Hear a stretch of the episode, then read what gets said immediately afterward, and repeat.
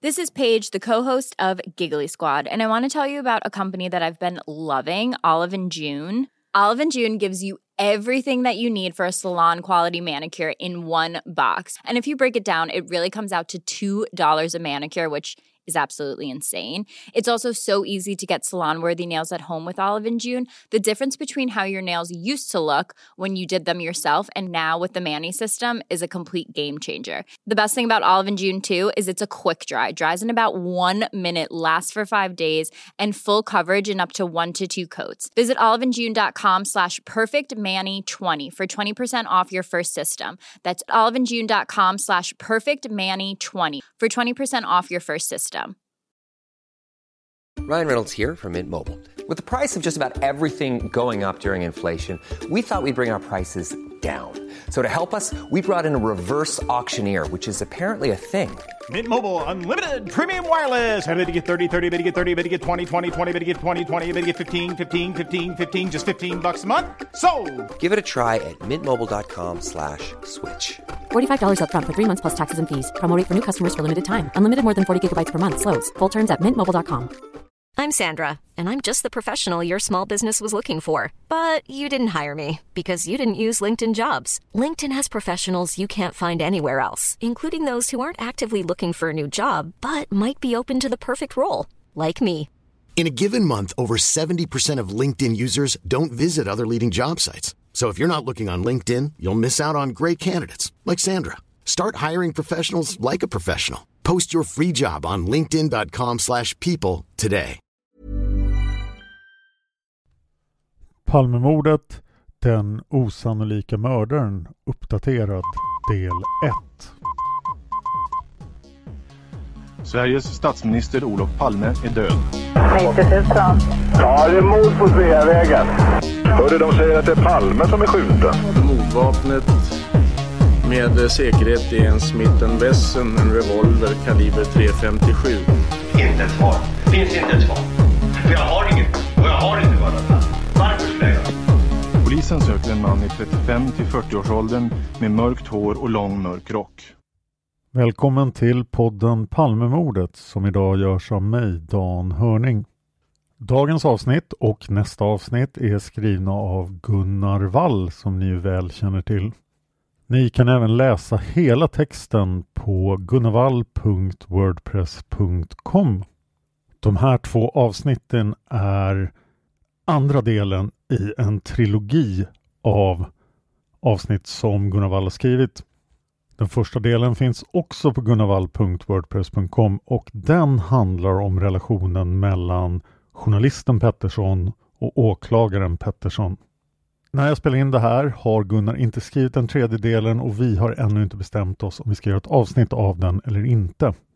Jag vill tacka lyssnaren Anders som kom med idén att det här borde vara en del av podden också.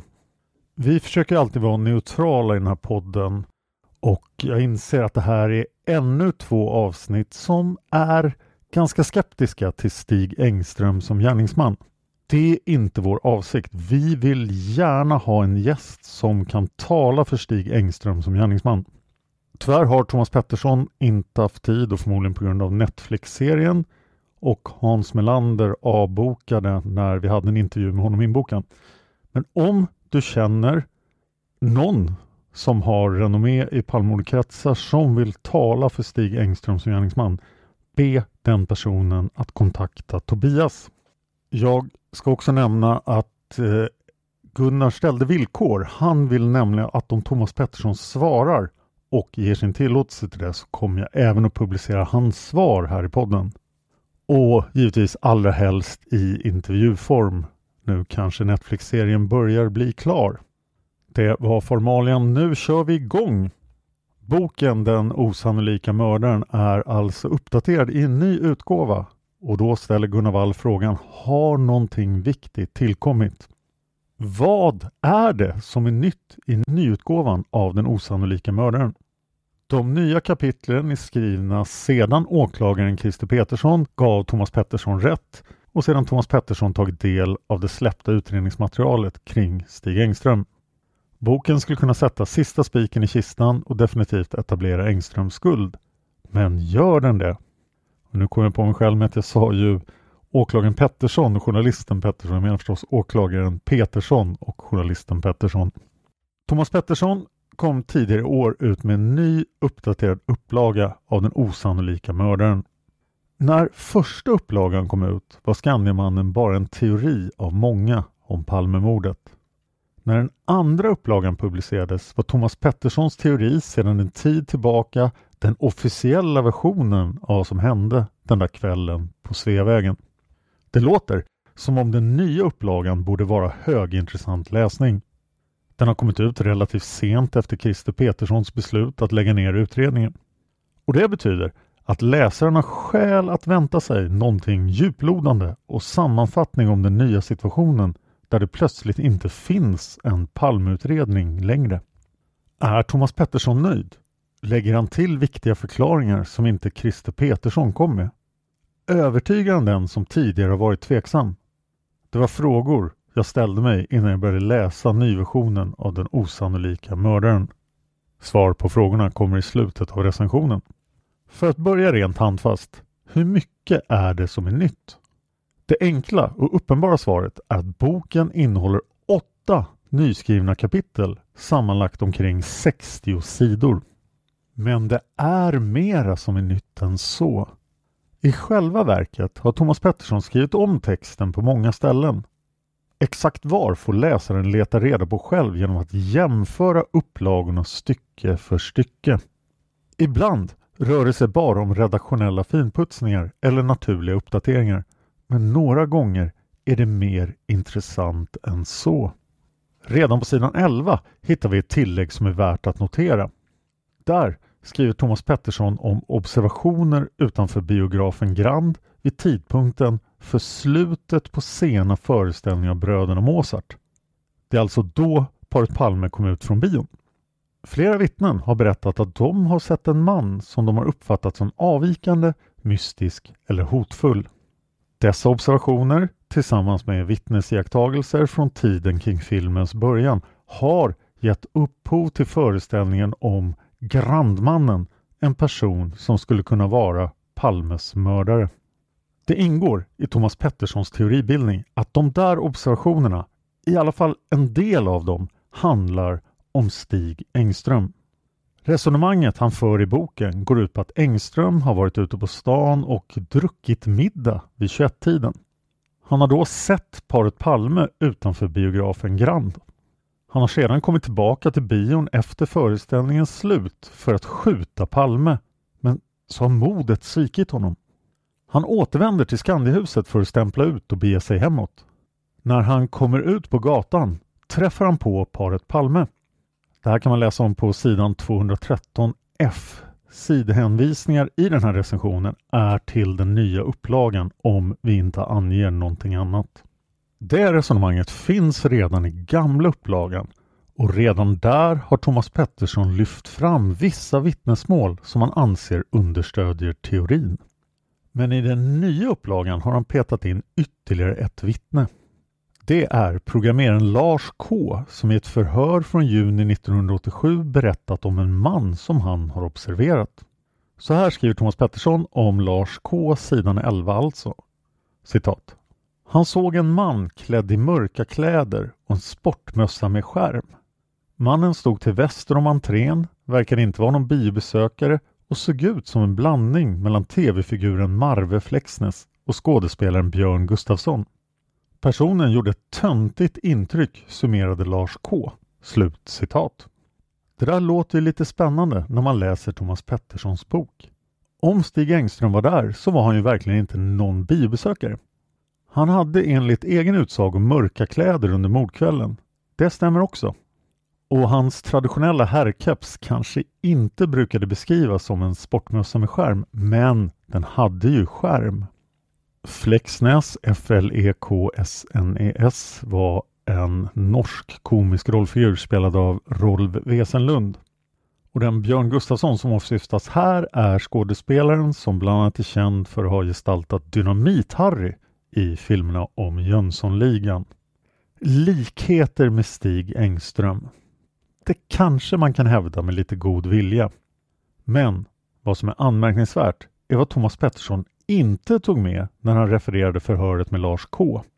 Så här står det nämligen också i protokollet citat. Kommer inte ihåg några detaljer i mannens utseende klädsel men säger att denne var medellängd och var sportigt klädd i jacka och byxor. Jackan kan ha varit blå, i alla fall gav den liksom byxorna ett mörkt intryck. På huvudet hade han en sportmössa med skärm. Klädseln såg ut att vara skidkläder i Domus-stil från 50-60-talet. Slut citat. I övrigt bedömer Lars K att mannen var runt 40 år gammal och inte hade glasögon. På gunnarvall.wordpress.com kan ni se en annons från pub i januari 1958 med just den här klädseln, eller åtminstone vad Gunnar bedömer är klädseln som beskrivs. Min reflektion att det inte liknar Stig Engströms klädsel särskilt mycket. Gunnar fortsätter. Om den här mannen hade någonting att göra med Palmemordet är förstås en öppen fråga. Men vad vi kan konstatera är att det inte låter särskilt mycket som den prydliga och konservativa klädsel för kontorsbruk som Stig Engström förknippas med. Den som vill skulle på minst lika goda grunder kunna säga att det signalement Lars K här lämnar hade vaga likheter med Christer Petterssons. Eller med Lasse Åbergs rollfigur Stig-Helmer i Sällskapsresan 2 Snowroller. Thomas Petterssons högst ofullständiga återgivande av vad Lars K berättat i detta särskilt inlagda tillägg är inte ägnat att rent generellt öka tilltron till hans omarbetningar av boken. Sedan ska vi titta lite på frågan om Stig Engström var på jobbet den 3 mars 1986. På sidan 40 har Thomas Pettersson lagt in ett annat nytt avsnitt. Det handlar om en kollega till Stig Engström som inte är namngiven som kommer till jobbet på måndagsmorgonen efter mordet, alltså den 3 mars. Enligt Thomas Petterssons referat konstaterar kollegan då att Stig Engström är på arbetsplatsen. Han hör nämligen hur Stig Engström talar i telefon inne på sitt rum. Det hörs av det Stig Engström säger att han är bekymrad över att det signalement som har lämnats på gärningsmannen egentligen gäller honom själv. Thomas Pettersson skriver citat Kollegan uppfattade det som om Engström talade med någon på polisen men något sådant samtal finns inte noterat så det måste ha varit någon annan. Slut citat. Enligt Thomas Pettersson, som i en not uppger att han har gjort en mobilintervju med kollegan, blev denne citat väldigt illa berörd. Slut citat. Det står på sidan 41 och 301. Här låter det alltså som om Stig Engström, tvärt den bild han ger i förhören, hade tagit sig till Skandia under sin första semesterdag istället för att ha rest till Idre under helgen. Och det lät vidare som om han hade fört ett mystiskt samtal om att han hade blivit utpekad som mördare med någon okänd person, definitivt inte med polisen. Det är lätt att tycka att detta låter graverande för Engström. Varför var han på Skandia den måndag då han hade semester? Ett besök som han tydligen inte har velat kännas vid efteråt. Är detta ett ytterligare bevis på att Thomas Pettersson brukar beskrivas som Stig Engströms ständiga lögner. Och också ett bevis på att han denna morgon inne på sitt rum anförtror en hemlig kontakt att han känner sig utpekad för mordet, att han fruktar att det håller på att gå illa när sanningen hotar att hinna ifatt honom. Det skulle man kunna tro. It's that time of the year. Your vacation is coming up. You can already hear the beach waves, feel the warm breeze, relax and think about work. You really, really want it all to work out while you're away. Monday.com gives you and the team that peace of mind. When all work is on one platform and everyone's in sync, things just flow wherever you are. Tap the banner to go to Monday.com. Hey, I'm Ryan Reynolds. Recently, I asked Mint Mobile's legal team if big wireless companies are allowed to raise prices due to inflation. They said yes. And then when I asked if raising prices technically violates those onerous two year contracts, they said, What the f are you talking about, you insane Hollywood ass? So to recap, we're cutting the price of Mint Unlimited from $30 a month to just $15 a month. Give it a try at mintmobile.com slash switch. $45 up front for three months plus taxes and fees. Promo rate for new customers for limited time. Unlimited more than 40 gigabytes per month. Slows. Full terms at mintmobile.com. There's never been a faster or easier way to start your weight loss journey than with PlushCare. PlushCare accepts most insurance plans and gives you online access to board-certified physicians who can prescribe FDA-approved weight loss medications like Wigovi and Zepbound for those who qualify. Take charge of your health and speak with a board-certified physician about a weight loss plan that's right for you. Get started today at plushcare.com slash weight loss. That's plushcare.com slash weight loss. plushcare.com slash weight loss. Som denne Skandia-medarbetare har skickat till Leif GW Persson. Ett meddelande som har gått vidare till utredningen och som nu har blivit offentligt med bara några få maskningar. Jag kommer att lägga en länk till det här meddelandet i avsnittstexten till det här avsnittet. Där kan vi konstatera följande. Medarbetaren är i stort sett säker på att hans arbetskamrat Stig pratade med polisen. Han menar också att Stigs berättelse, särskilt om vad han har hört Lisbeth Palme säga om gärningsmannen, förefaller trovärdig. Han beskriver Stig Engström som citat rekorderlig och någon som han i citat ett sånt här sammanhang skulle ha fullt förtroende för. Slut citat.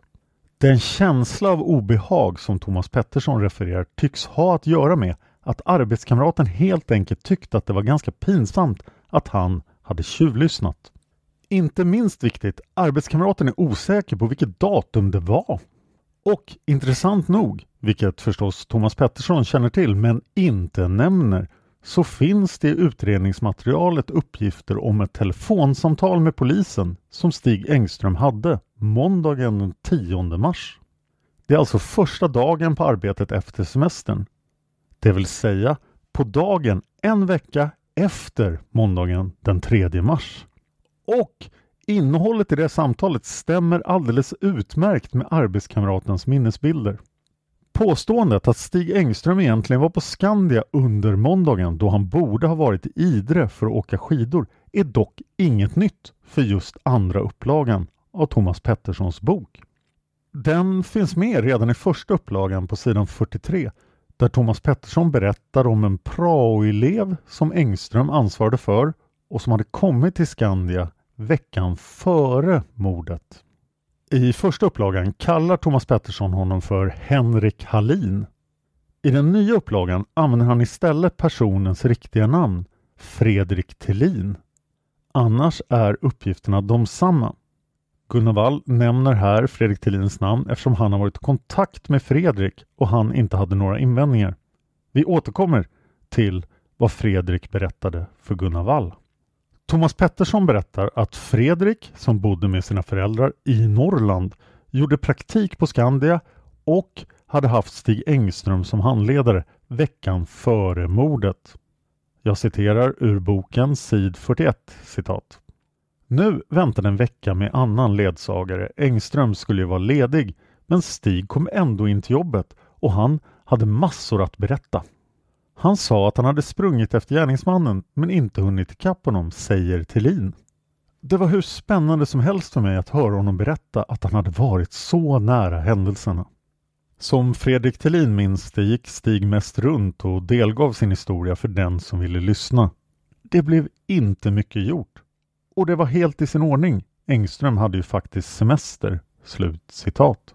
Så skriver alltså Thomas Pettersson och i en fotnot, sid 247 gamla upplagan, sid 302 nya upplagan. Där tillfogar Thomas Pettersson att Fredrik hade citat tydliga minnen av hur Stig kom in till Skandia måndagen den 3 mars och att han då sa att han hade sprungit efter gärningsmannen. Slut citat. Det fanns alltså två uppseendeväckande inslag i Fredrik Tillins berättelse så som Thomas Pettersson framställer den. Att Engström av någon anledning hade tagit sig in till jobbet under semestern och att han hade sagt att han hade sprungit efter mördaren för att hinna ikapp honom. Som vi snart ska se hänger de här elementen ihop. Alltså att Stig Engström skulle ha varit inne på Skandia den 3 mars och att han skulle ha sagt att han jagade mördaren. Innan vi går vidare, låt oss påminna oss att Engström i polisförhör inte alls har sagt att han jagade mördaren. Han har istället talat om att han har gjort ett försök att springa ikapp några poliser för att ge dem det signalement som han hade hört från Lisbeth Palme. Det är en anmärkningsvärd skillnad.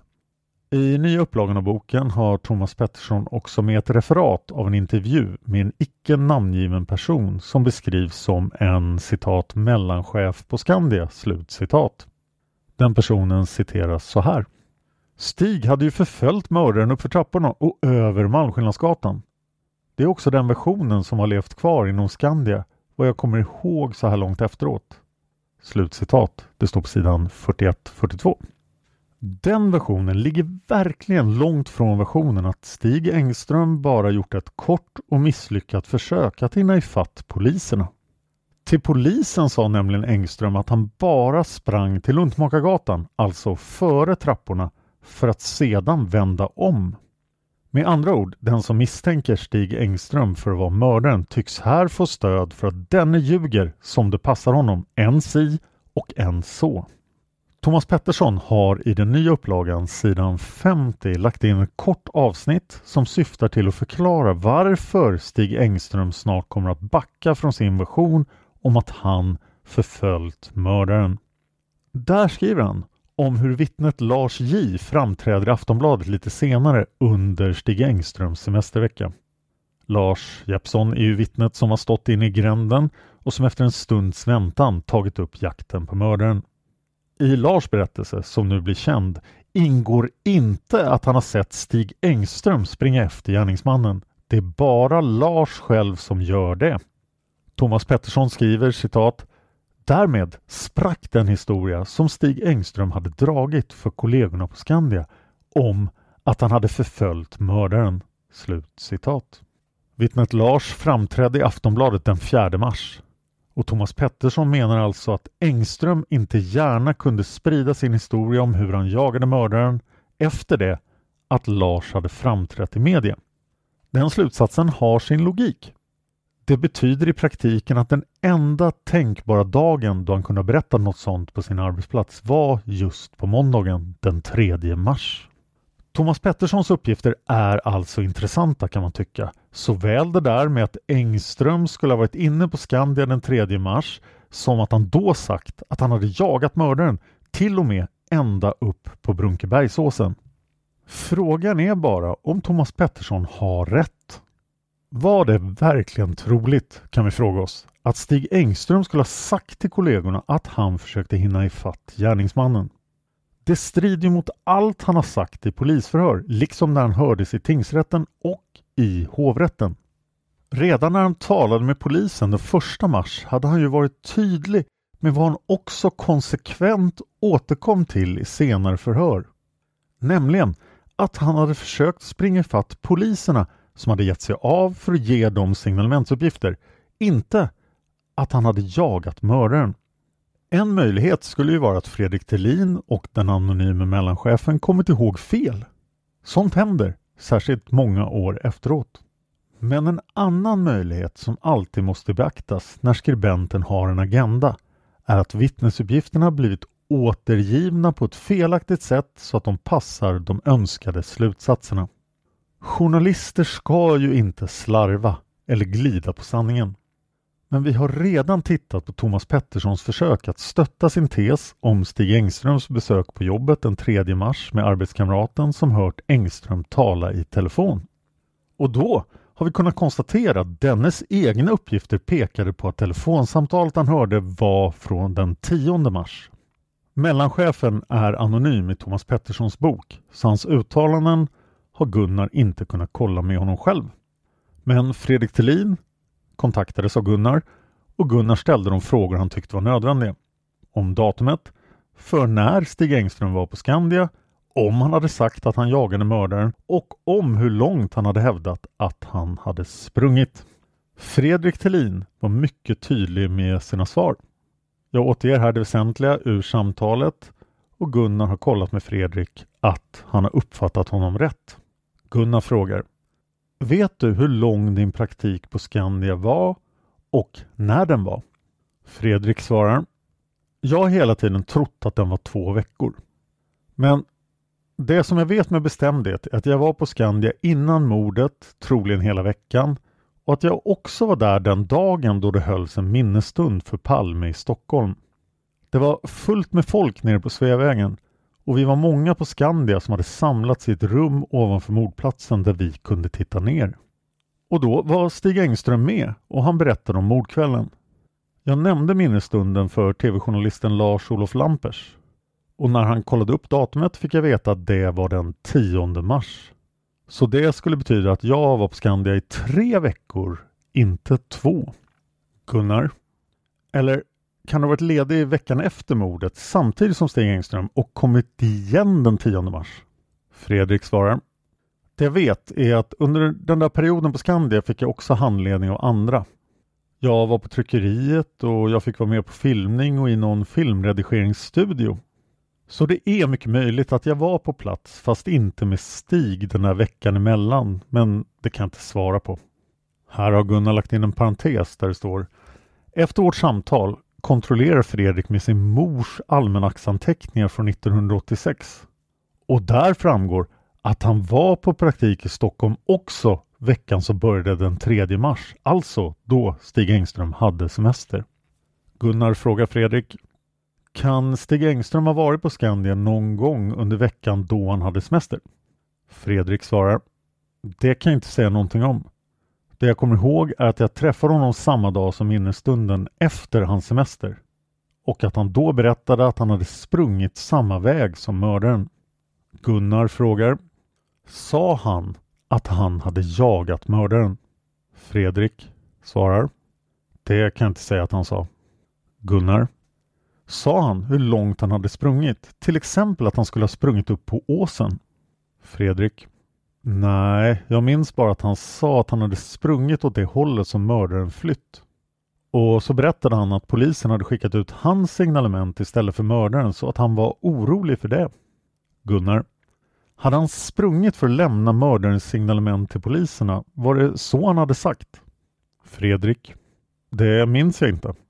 Det är själva minnesstunden som etsat sig fast mest i mitt minne. Jag vet alltså att Stig Engström var där och jag vet att han gärna ville vara i centrum och berätta om mordkvällen. Då, där, på den där minnesstunden är jag 100% säker på att han var där och han berättade för alla. Gunnar säger Det står i Thomas Petterssons bok att Stig Engström inte fick mycket jobb gjort när han gick omkring och pratade om mordet på Skandia, men att det var i sin ordning eftersom han faktiskt hade semester. Men det där är ingenting som du har sagt. Fredrik svarar Nej, det kommer inte från mig. Och jag har hela tiden varit jättetydlig, både mot Lars-Olof Lampers och framförallt mot Thomas Pettersson, att jag egentligen inte har någonting att bidra med förutom några få saker. Jag vet att jag var på Skandia under veckan före mordet och att det var Stig som tog emot mig första dagen. Det var också han som var min handledare de dagar jag var där den veckan. Jag vet att jag var där på minnesstunden och att Stig Engström var det. Då sa han att han hade sprungit efter mördaren åt det håll som mördaren försvann. Och han sa också att det signalement som polisen hade gått ut med först, det var hans signalement och inte mördarens. Där slutar intervjun och Gunnar fortsätter. Så långt mitt samtal med Fredrik Tillin. Det går alldeles uppenbart inte att använda honom som stöd vare sig för att Stig Engström har varit inne på Skandia den 3 mars eller att Stig Engström har sagt att han sprungit efter mördaren för att hinna ikapp honom. Eller för att Stig Engström har påstått att han sprungit ända upp på åsen. Fredrik Tillin kan alltså inte säga om Engström kunde ha återvänt till Skandia någon gång under sin semestervecka. Men det finns ett i sammanhanget ganska tungt vägande vittne som helt avfärdar det. Det är tjänstemannen Roland B som hade ansvar för tidsregistreringen av personalens närvaro på företaget. I ett polisförhör från juni 1986 har han berättat om sina kontakter med Stig Engström helgen direkt efter mordet. Och så tillägger han citat Sedan så vet jag att han inte var synlig här på kontoret kommande vecka Slut citat. Och det här har ju ni redan hört som lyssnar på den här podden i de första Skandiamannen-avsnitten. Gunnar fortsätter. Roland B säger att han visserligen inte kan gå i god för om Engström var i Idre, men citat att han inte har varit på arbetsplatsen är helt klart. Slut citat. Längre fram i boken, framförallt i kapitlet Den sannolika mördaren, har Thomas Pettersson gjort ytterligare och mer omfattande ändringar. Bland annat har han lagt in en del hänvisningar till någonting han beskriver som Stig Engströms förväxlingsstrategi. Exakt vad han menar med det kommer trots allt inte fram lika tydligt i boken som i ett samtal han har med Mattias Göransson i avsnitt 24 av Filterpodden.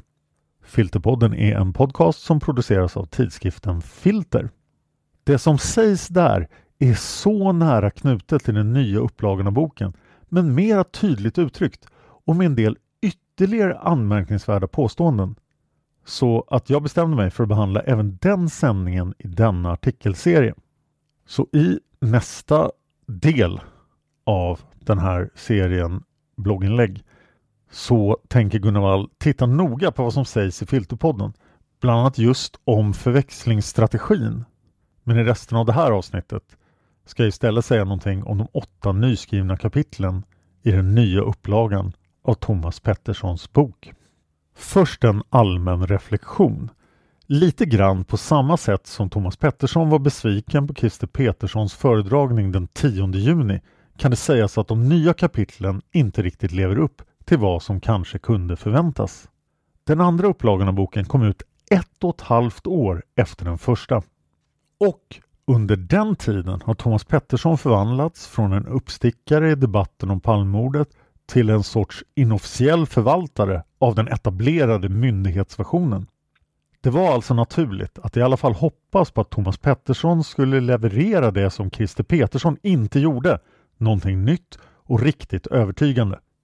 Gunnar säger att det tycker han inte att Thomas Pettersson gör. Det första nya kapitlet heter Stig Larssons ensamma galning. Bakgrunden är att ungefär samtidigt som den första upplagan av Den osannolika mördaren kom det ut en annan Palmebok. Stig Larssons arkiv, Nyckeln till Palmemordet av Jan Stocklassa. Den väckte uppmärksamhet, framförallt internationellt, genom att författaren presenterade ett försök till lösning på mordgåtan som han menade utgick ifrån de efterforskningar som journalisten och författaren Stig Larsson hade gjort i ämnet. Stig Larsson var ju, om någon har lyckats missa det, författaren till tre enormt framgångsrika spänningsromaner om hacken Lisbeth Salander. Och Jan Stocklassas bok fick därmed en riktig publicitetsskjuts över i stort sett hela världen. Tanken på att Stig Larsson hade varit sanningen om Palmemordet på spåren lät onekligen spännande. Stocklassa skissade i sin Palmebok på en omfattande konspiration som involverade såväl den sydafrikanska apartheidregimen som svenska högerextremister. Och det Thomas Pettersson försöker sig på i detta kapitel är egentligen att göra anspråk på att själv vara Stig Larssons verkliga efterföljare. Stig Larsson hade vid sidan av funderingarna om en konspiration nämligen också lekt med tanken på att mördaren kanske egentligen var en ensam galning. Thomas Pettersson skriver att Palmeutredarna hittade en sån lösning i december 1988 i form av Christer Pettersson. Thomas Pettersson tillägger citat Tyvärr var det fel galning vilket ledde till att hypotesen om en ensam gärningsman kom att misskrediteras. Slut citat. Gunnar Wall har tidigare publicerat på sin blogg ett konstaterande om att Thomas Petterssons slutsats i filterartikeln från 2018 om Stig Engström som ensam gärningsman var av tämligen färskt datum. Bara några månader tidigare hade Thomas Pettersson gjort sitt bästa för att ge Palmeutredarna bilden av att Stig Engström hade fungerat som redskap i en konspiration. Med de formuleringar han använder i det här kapitlet beskriver han alltså inte bara Stig Engström som ensam ansvarig för statsministermordet utan också som en galning. Alldeles oavsett vilken uppfattning man har om Stig Engströms eventuella skuld till dådet på Sveavägen är det en karaktärisering av Skandia-tjänstemannen som inte vilar på något som helst seriöst underlag. Det finns helt enkelt inga uttalanden om Stig Engström från folk i hans omgivning som beskriver honom på det sättet. Och enligt vad som är känt har det aldrig gjorts några psykiatriska diagnoser på Engström som med ett slappt språkbruk skulle kunna användas för att kalla honom för galning. Gunnar frågar sig själv, är jag petig nu? Nej, det tycker jag inte. Om man som Thomas Pettersson vill framställa mordet som ett vansinnesdåd är det naturligtvis också hans uppgift att visa att personen han pekar ut i någon mening var vansinnig. Åtminstone vid tidpunkten för dådet. Särskilt med tanke på den i övrigt bristfälliga bevisningen mot Stig Engström framstår den här illa underbyggda etikeringen av dennes psykiska tillstånd som rätt stötande. I den nyss citerade korta meningen lyckas Thomas Pettersson dessutom pricka in ytterligare två mycket tvivelaktiga påståenden. Det är för det första också högt tveksamt om det är riktigt att kalla Christer Pettersson för en galning. Christer Pettersson var förvisso en mycket mer instabil person än Stig Engström, vilket bland annat visade sig i den långa listan av planlösa brott som Christer Pettersson dömdes för.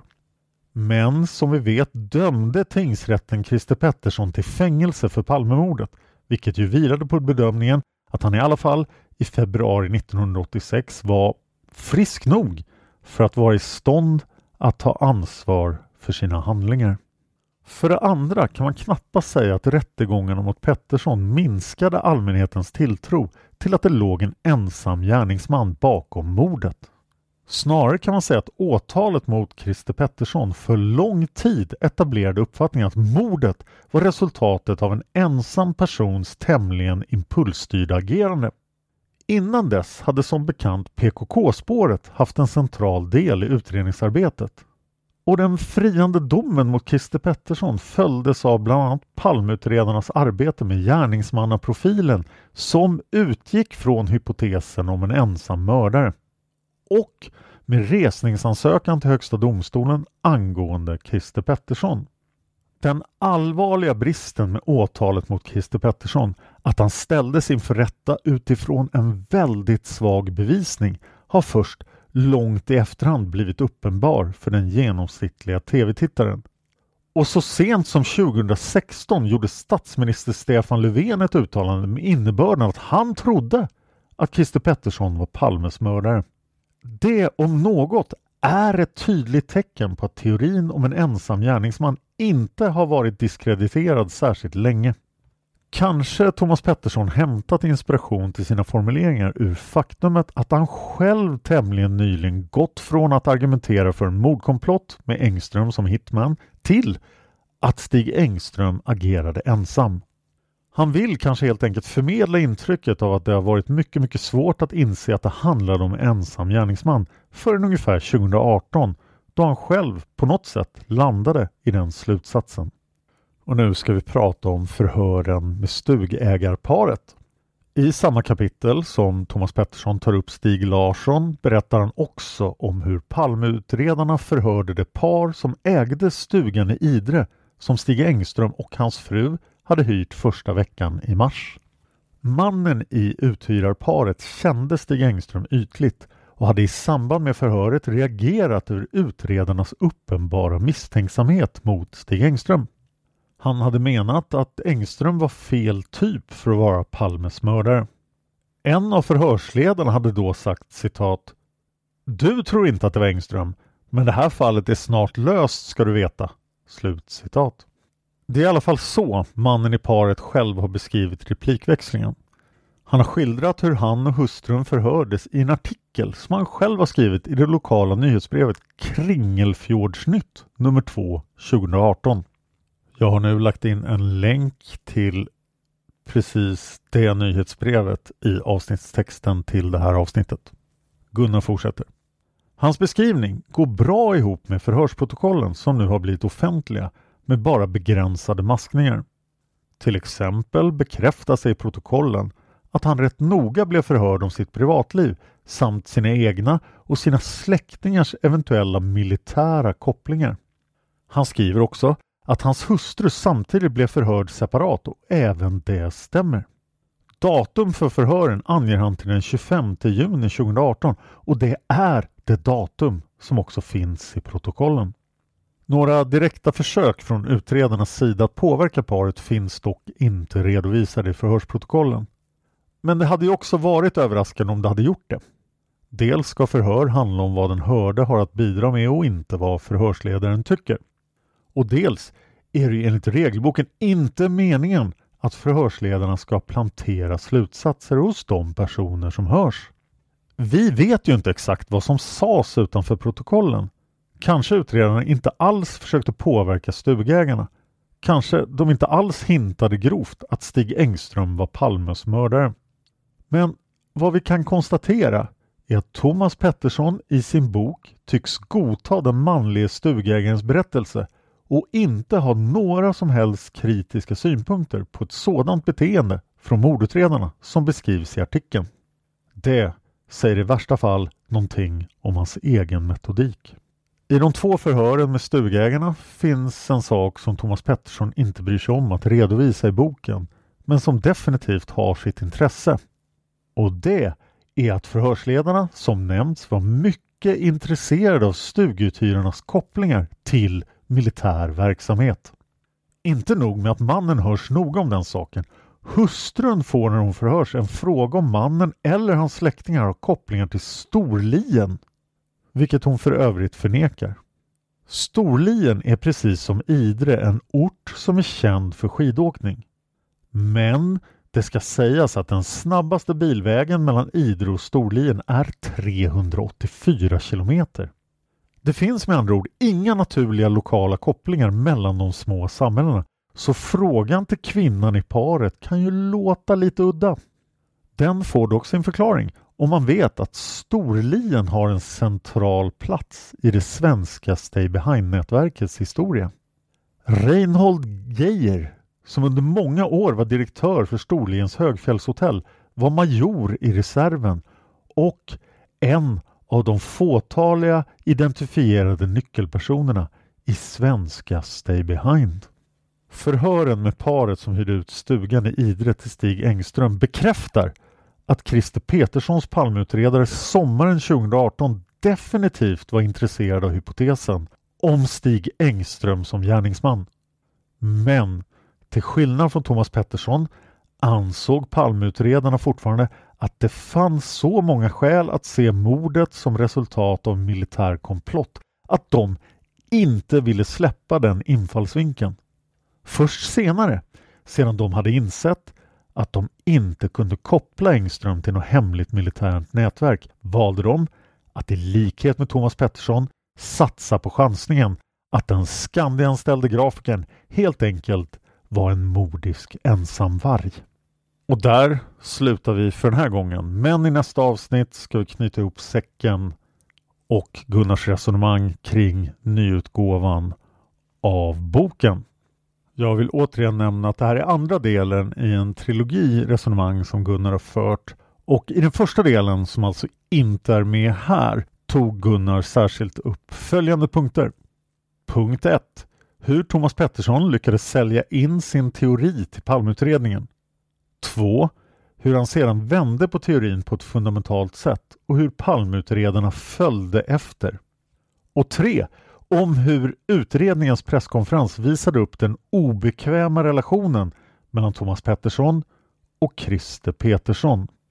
I den tredje delen kommer Gunnar Wall att ta upp ett avsnitt av Filterpodden där Thomas Pettersson diskuterar mordutredningen med Filters chefredaktör Mattias Göransson. Och jag vill återigen nämna att jag kommer att publicera Thomas Petterssons svar på Gunnars artikel om Thomas Pettersson ger mig tillåtelse. Vi vill också väldigt gärna ha med Thomas Pettersson i podden igen. Han har varit med ett antal avsnitt tidigare. Vi letar också med ljus och lykta efter någon person med renommé i Palmemordkretsar som vill försvara Stig Engström som gärningsman i podden och berätta varför det är en rimlig teori. Podden Palmemordet finns på Facebook. Följ oss gärna där och diskutera podden med mig och Tobias. Vi hinner tyvärr inte svara på frågor i privata meddelanden om mordet. Dels för att det blir mycket upprepning och dels för att vi i princip inte skulle göra någonting annat om vi faktiskt gjorde det. Så istället rekommenderar jag Facebookgrupperna Studio Palmemordet och Palmerummet eller Flashbacktråden. Jag finns på Twitter och Instagram. Jag heter Dan Hörning så jag är väldigt lätt att hitta. Vi vill hemskt gärna iTunes-recensioner på den här podden. Om ni har en Apple-device och lyssnar på podden, ge oss en recension och den kommer bli uppläst i podden. Tack till alla som sponsrar Palmemordet på Patreon. Det betyder massor. Det går nu också att sponsra via Swish och telefonnumret finns i avsnittsbeskrivningen. Skriv gärna Palmemordet i swishen så jag vet vilken podd avser eftersom jag gör 14 poddar. Tack till Lukas för musiken, tack till expertgruppen, tack till vår jurist och researchassistenter. Tack till Gunnar Wall och till slut, tack till dig för att du lyssnar på Palmemordet. Man hittar Palmes mördare om man följer PKK-spåret till botten. Därför att ända sedan Julius Caesars tid har jag aldrig hört talas om ett mord på en framstående politiker som inte haft politiska skäl. Polisens och åklagarens teori var att han ensam hade skjutit Olof Palme. Och det ledde också till rättegång. Men han frikändes i hovrätten. Nu ska vi ut och röva, jag. Vi ska ut och röva. Even when we're on a budget, we still deserve nice things. Quince is a place to scoop up stunning high-end goods for 50 to 80% less than similar brands. They have buttery soft cashmere sweaters starting at $50, luxurious Italian leather bags, and so much more. Plus, Quince only works with factories that use safe, ethical, and responsible manufacturing. Get the high-end goods you'll love without the high price tag with Quince. Go to quince.com/style for free shipping and 365-day returns. Here's a cool fact. A crocodile can't stick out its tongue. Another cool fact, you can get short-term health insurance for a month or just under a year in some states. United Healthcare short-term insurance plans are designed for people who are between jobs, coming off their parents' plan, or turning a side hustle into a full-time gig. Underwritten by Golden Rule Insurance Company, they offer flexible, budget-friendly coverage with access to a nationwide network of doctors and hospitals. Get more cool facts about United Healthcare short-term plans at uh1.com. Hey, it's Paige DeSorbo from Giggly Squad. High quality fashion without the price tag. Say hello to Quince. I'm snagging high-end essentials like cozy cashmere sweaters, sleek leather jackets, fine jewelry, and so much more. With Quince being 50 to 80% less than similar brands. And they partner with factories that prioritize safe, ethical, and responsible manufacturing. I love that. Luxury quality within reach. Go to quince.com slash style to get free shipping and 365 day returns on your next order. Quince.com slash style.